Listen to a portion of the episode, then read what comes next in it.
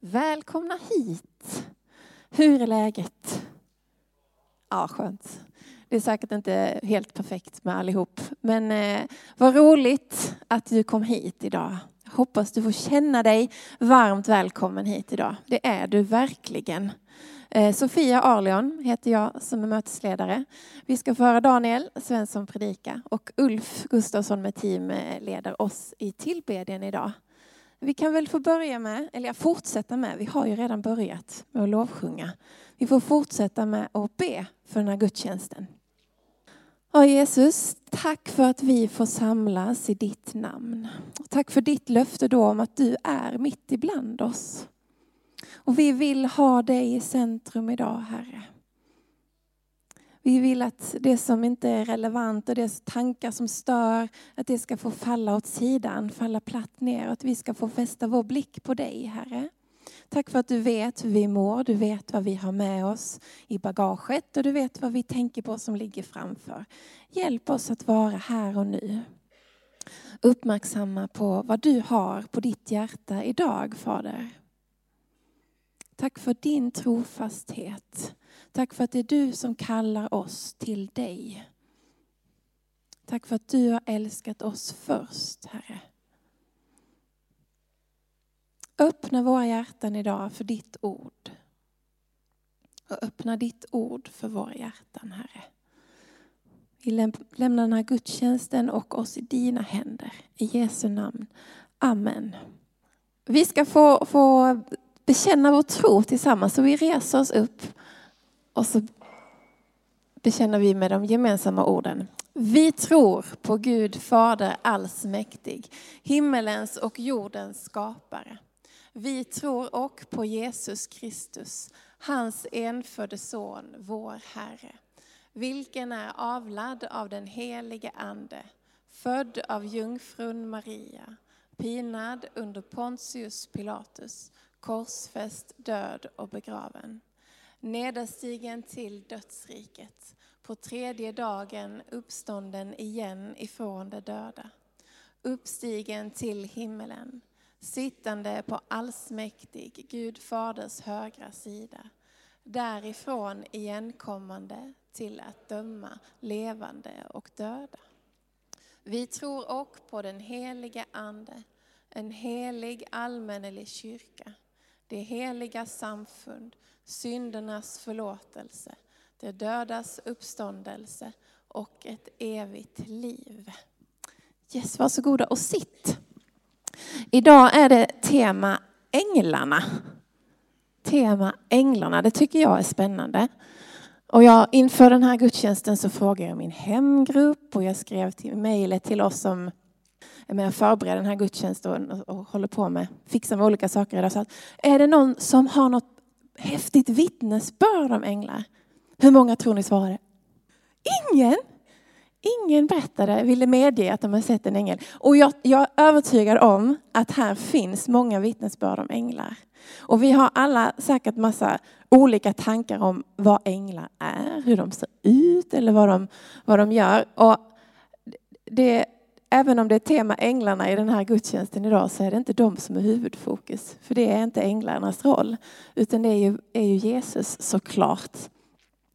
Men, eh, men min man Oskar han såg en ängel när han var liten. Det var, då var han runt åtta. Eh, och då han och hans mamma de körde upp och parkerade bilen hemma utanför huset. Och så hade de en sån här carport som även gick ovanför ytterdörren in. Och när de ställde körde upp bilen där så sa Oskar, mamma, där står en ängel. Va? Var då någonstans? Där, på trappan. Då stod den liksom på trappavsatsen upp till ytterdörren. Den stod där och hukade under carporten. Den var så stor. Eh, och han sa, jag sa, men hur såg den ut då? Så frågade honom. Ja, men den såg ut så som, en, som ett barn tänker sig att en ängel ser ut förmodligen. En skinande gestalt, stor med vingar. Den stod där. Och just vid det tillfället så var Oskars mamma hon var lite bekymrad för hennes man var ute och reste långt bort. Hon var orolig över det. Så hon tog det som någon sorts trygghetsbekräftelse eh, också att Gud verkligen är med. Och jag tänkte bara läsa några ställen där det står om änglar, bara några korta verser om vad änglarna vad, vad de är för ena. De är ju Guds, Guds tjänare och budbärare. Men i Psaltaren 91 står det till exempel så här. Ty han ska ge sina änglar befallning om dig, om dig att bevara dig på alla dina vägar. Jag tänkte på det när jag cyklade hit. Ah, men Gud, kan inte jag få se en ängel på vägen hit då? Så jag kan berätta om det. Men det gjorde jag inte. Men jag tänkte att det kanske satt den på pakethållaren. Jag vet inte. Och så har jag bett för min äldsta son Elias. Han, han, eh, han har alltid sprungit fram genom livet och gör det fortfarande. Så jag har liksom bett om, om Guds eh, ängla specialstyrka över honom. Det är ett under att, inte, att han inte har trillat eller att det hänt något annat. I Saltaren 103, 20 står det så här. Lova Herren, ni hans änglar, ni starka hjältar som utför hans befallning så snart ni hör ljudet av hans befallning. Alltså att änglarna är som starka hjältar som utför Herrens befallningar. Häftigt. Och i Romanbrevet så står det så här 13.2. Glöm inte att visa gästfrihet, ty genom gästfrihet har somliga fått änglar till gäster utan att veta om det. Ja, vi ska få höra mer om, om, eh, om änglar och om Jakob från Gamla Testamentet i Daniels predikan. Vi ska fortsätta läsa ur Bibeln.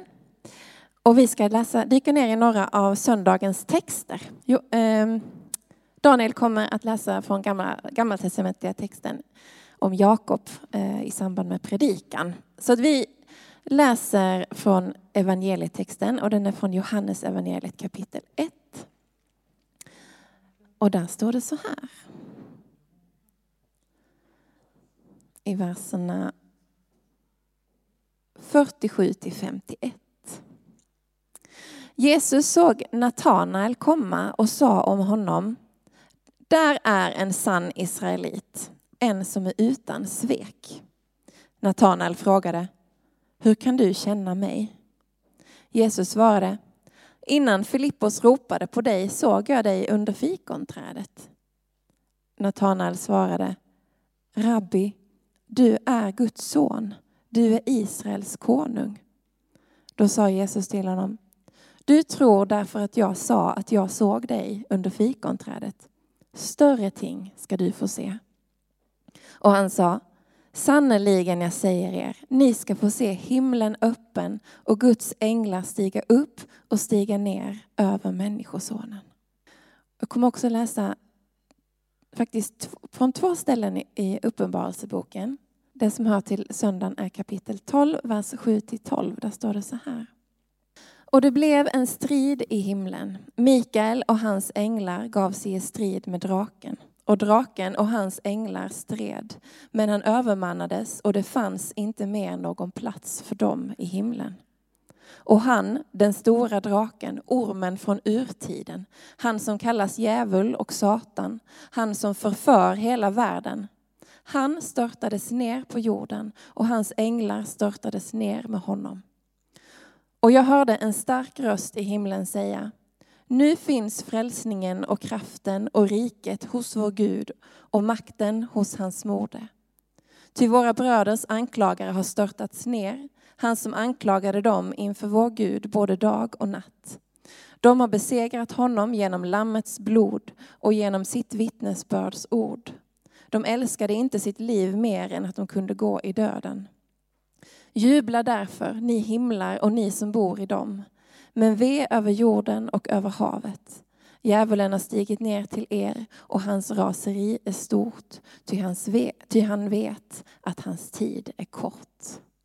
Och så läser jag också från Uppenbarelseboken 5, 11-14. Och jag såg och jag hörde rösten av många änglar som stod runt tronen och varelserna och de äldste. Deras antal var myriaders myriader, tusen och åter tusen. Och de sa med hög röst, Lammet som blev slaktat är värdigt att ta emot makten och få rikedom och vishet och styrka och ära och härlighet och lovsång.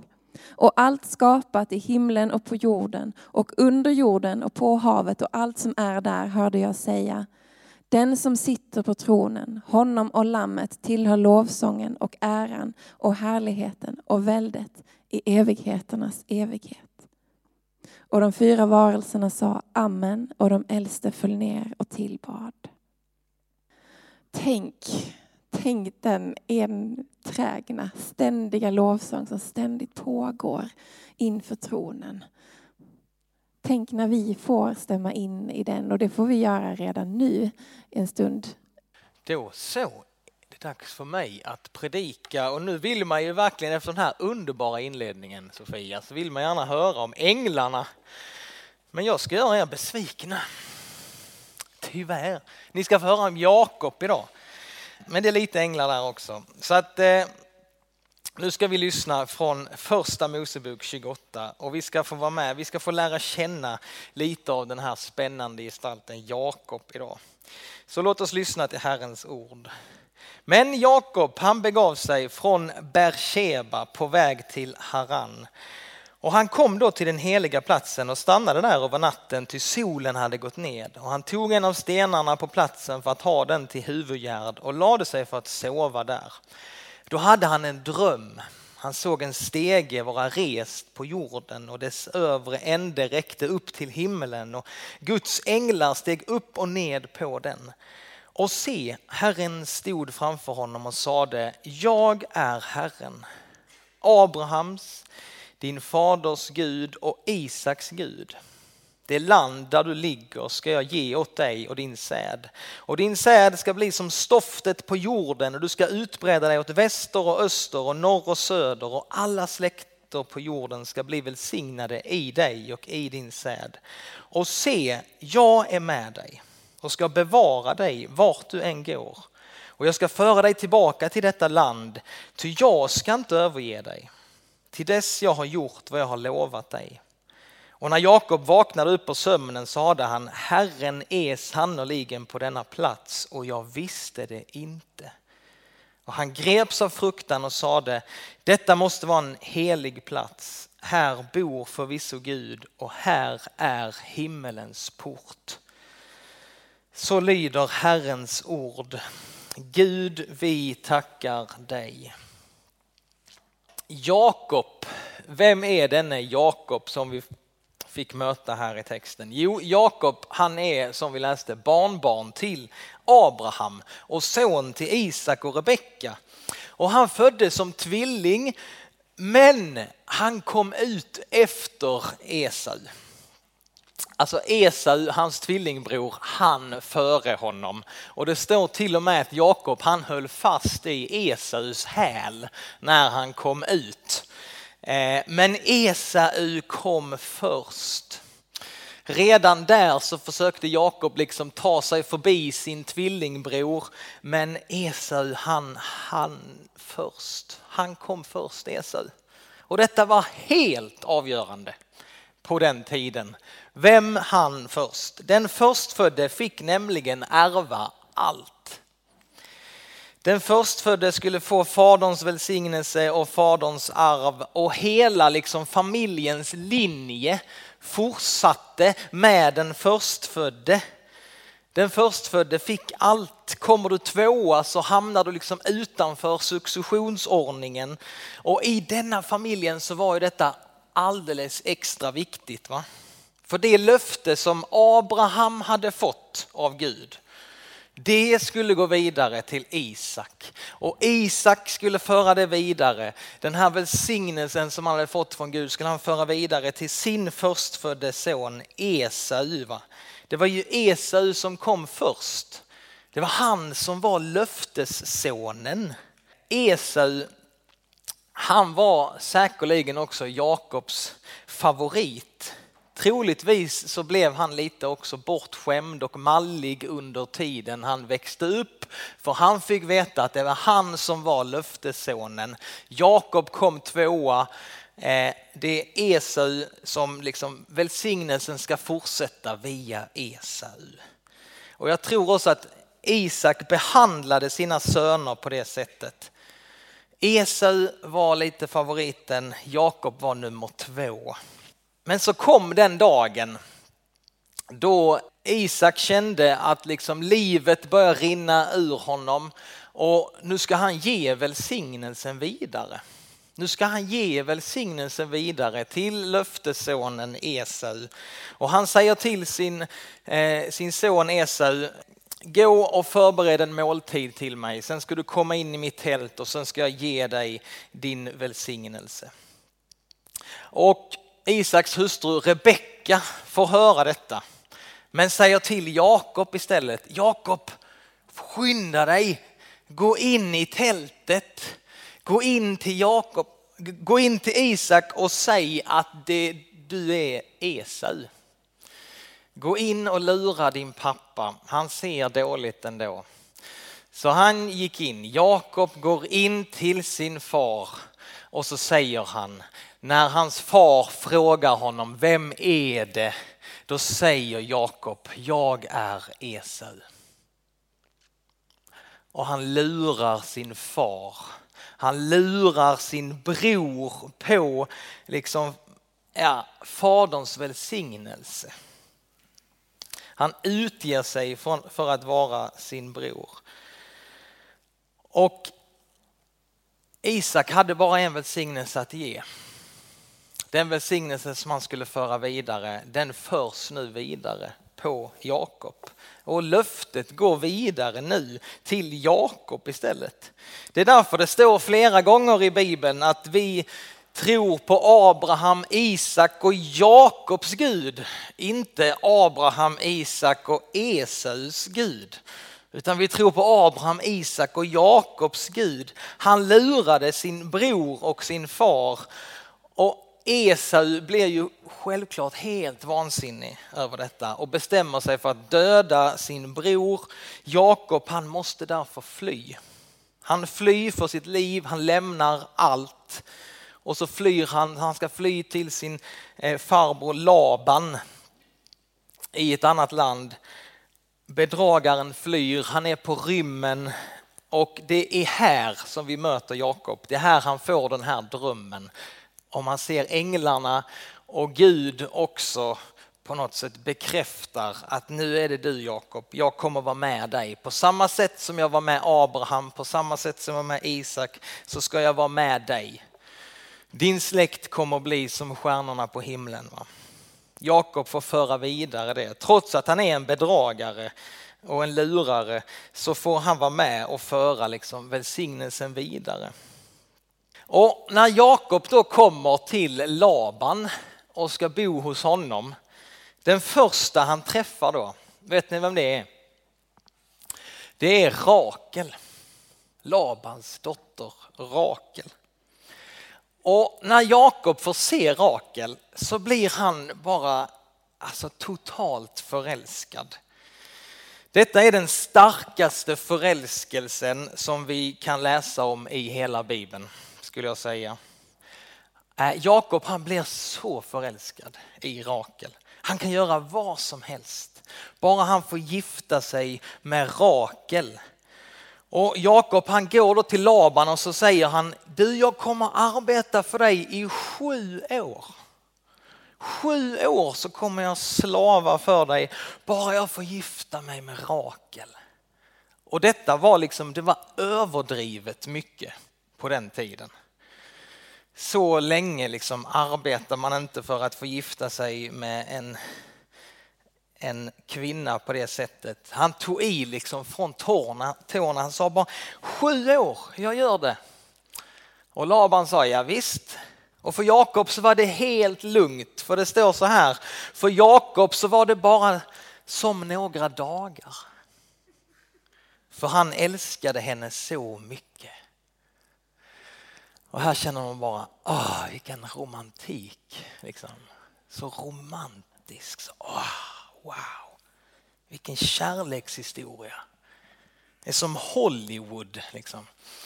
Det var ju inte så här på den här tiden att man gifte sig av kärlek, av förälskelse. Det var ju inte alls vanligt. Det här sticker ut. Jakob han blir totalt förälskad. Han kan göra vad som helst. Sju år känns som några dagar för han älskade henne så mycket. Ja, och när de här sju åren hade gått så går han bara rakt fram till Laban och så säger han, alltså rakt ut bara så här, nu så ska jag gifta mig med Rakel så att jag kan få ha sex med henne. Typ. Han är väldigt rak och tydlig. Nu har jag liksom längtat här. Eh, nu så är det dags, ge mig Rakel. Jag har jobbat i sju år. Nu ska jag få ha min kvinna. Så berättelsen här visar på en man som är totalt uppslukad av en sexuell men också en känslomässig liksom längtan efter denna enda kvinna. Om jag bara får henne, då kommer allt bli bra. Om jag bara får Rakel. Och varför har Jakob hamnat här i den här sitsen? Jo, kanske för att hans liv är tomt.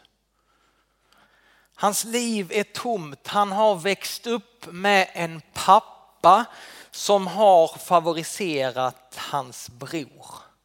Han har växt upp i skuggan av sin bror. Han har kanske inte fått sin fars kärlek så som han skulle behöva. Och nu så har han också förlorat närheten till sin mor. Han har förlorat sin bror.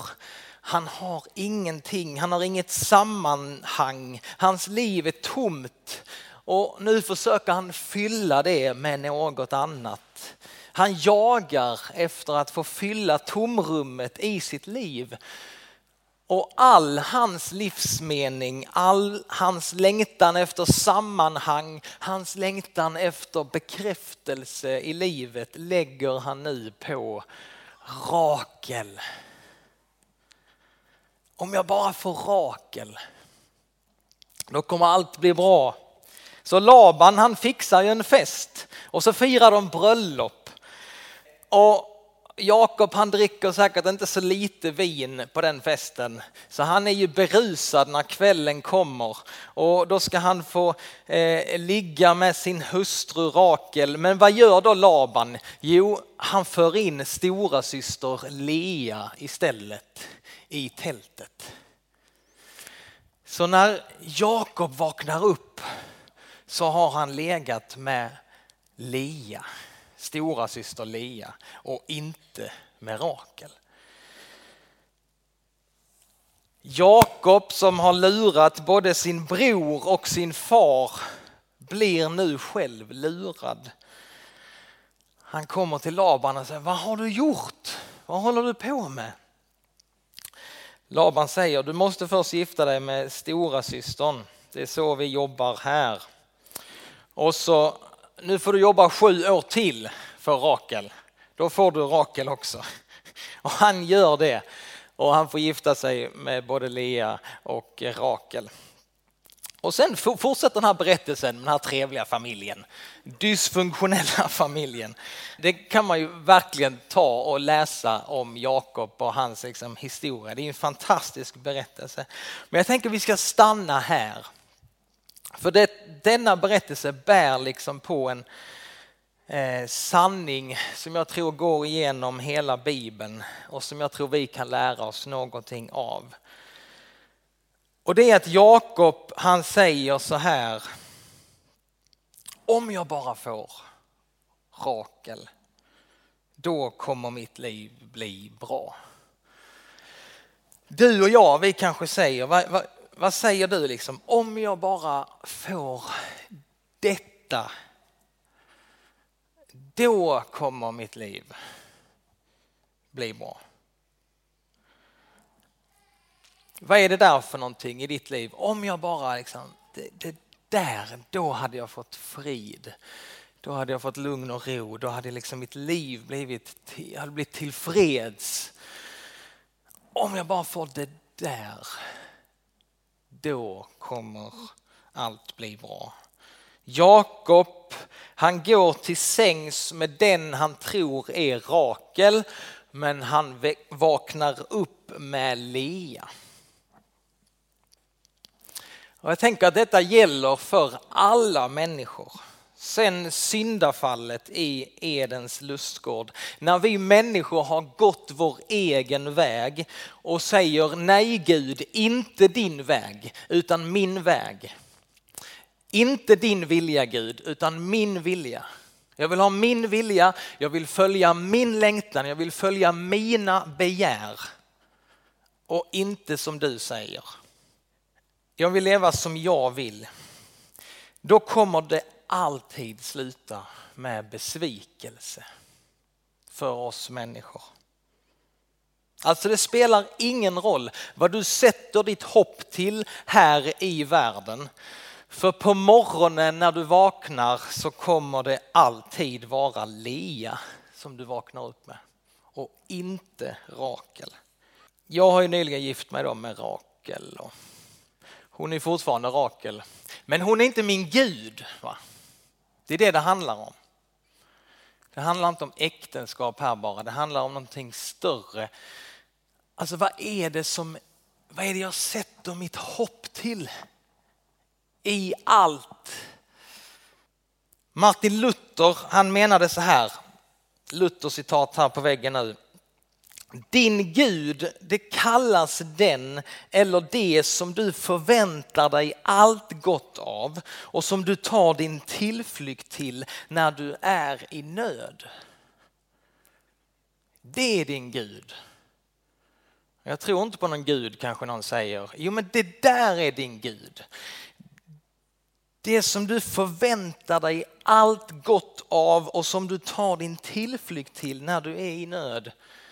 Jag gör inte det med min hustru. Hon är inte min Gud, utan Gud är min Gud. Det är honom som jag vill förvänta mig allt gott av som jag tar min tillflykt till när jag är i nöd. Vad är det i ditt liv? Vad är det som du säger att bara jag får Rakel.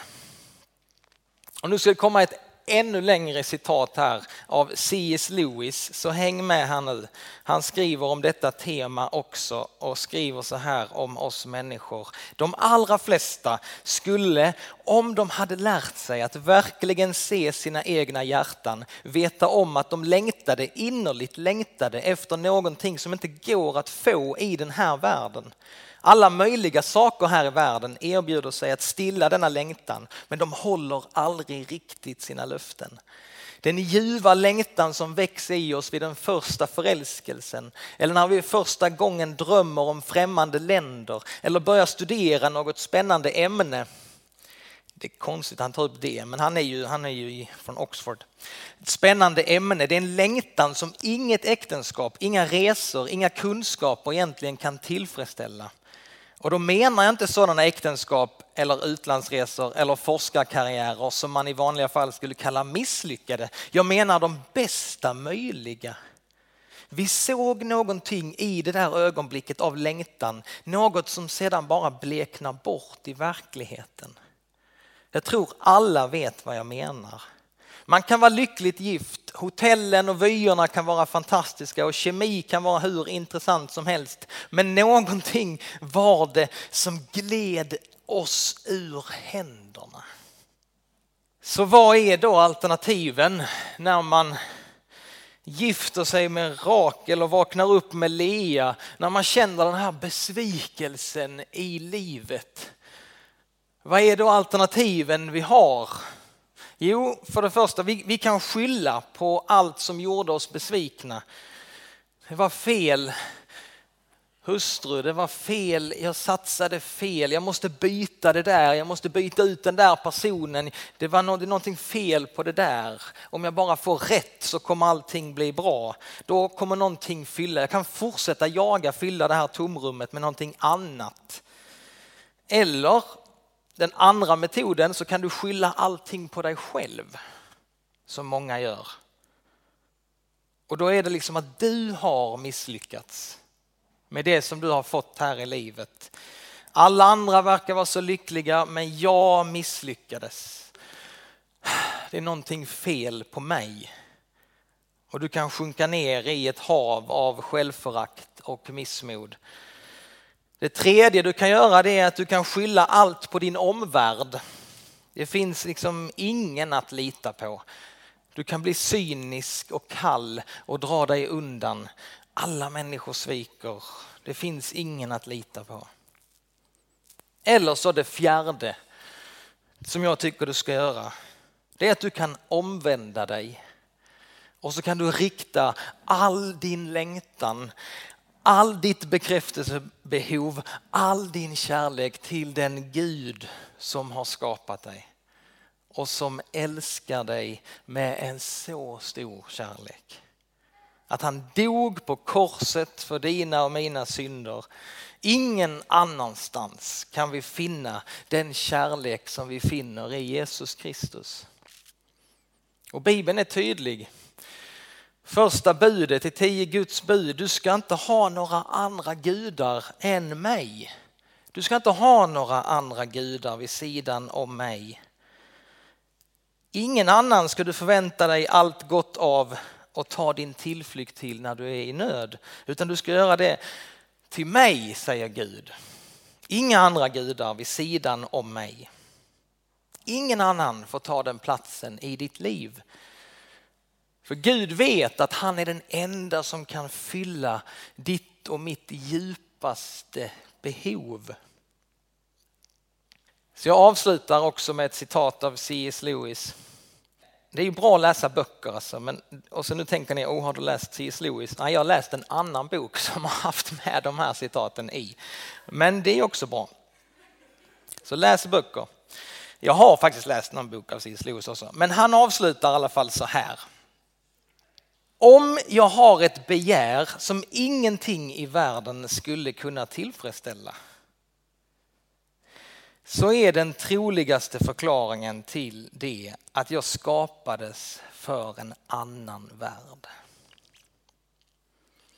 Mitt hem är ej på jorden, nej ovan skyn det är.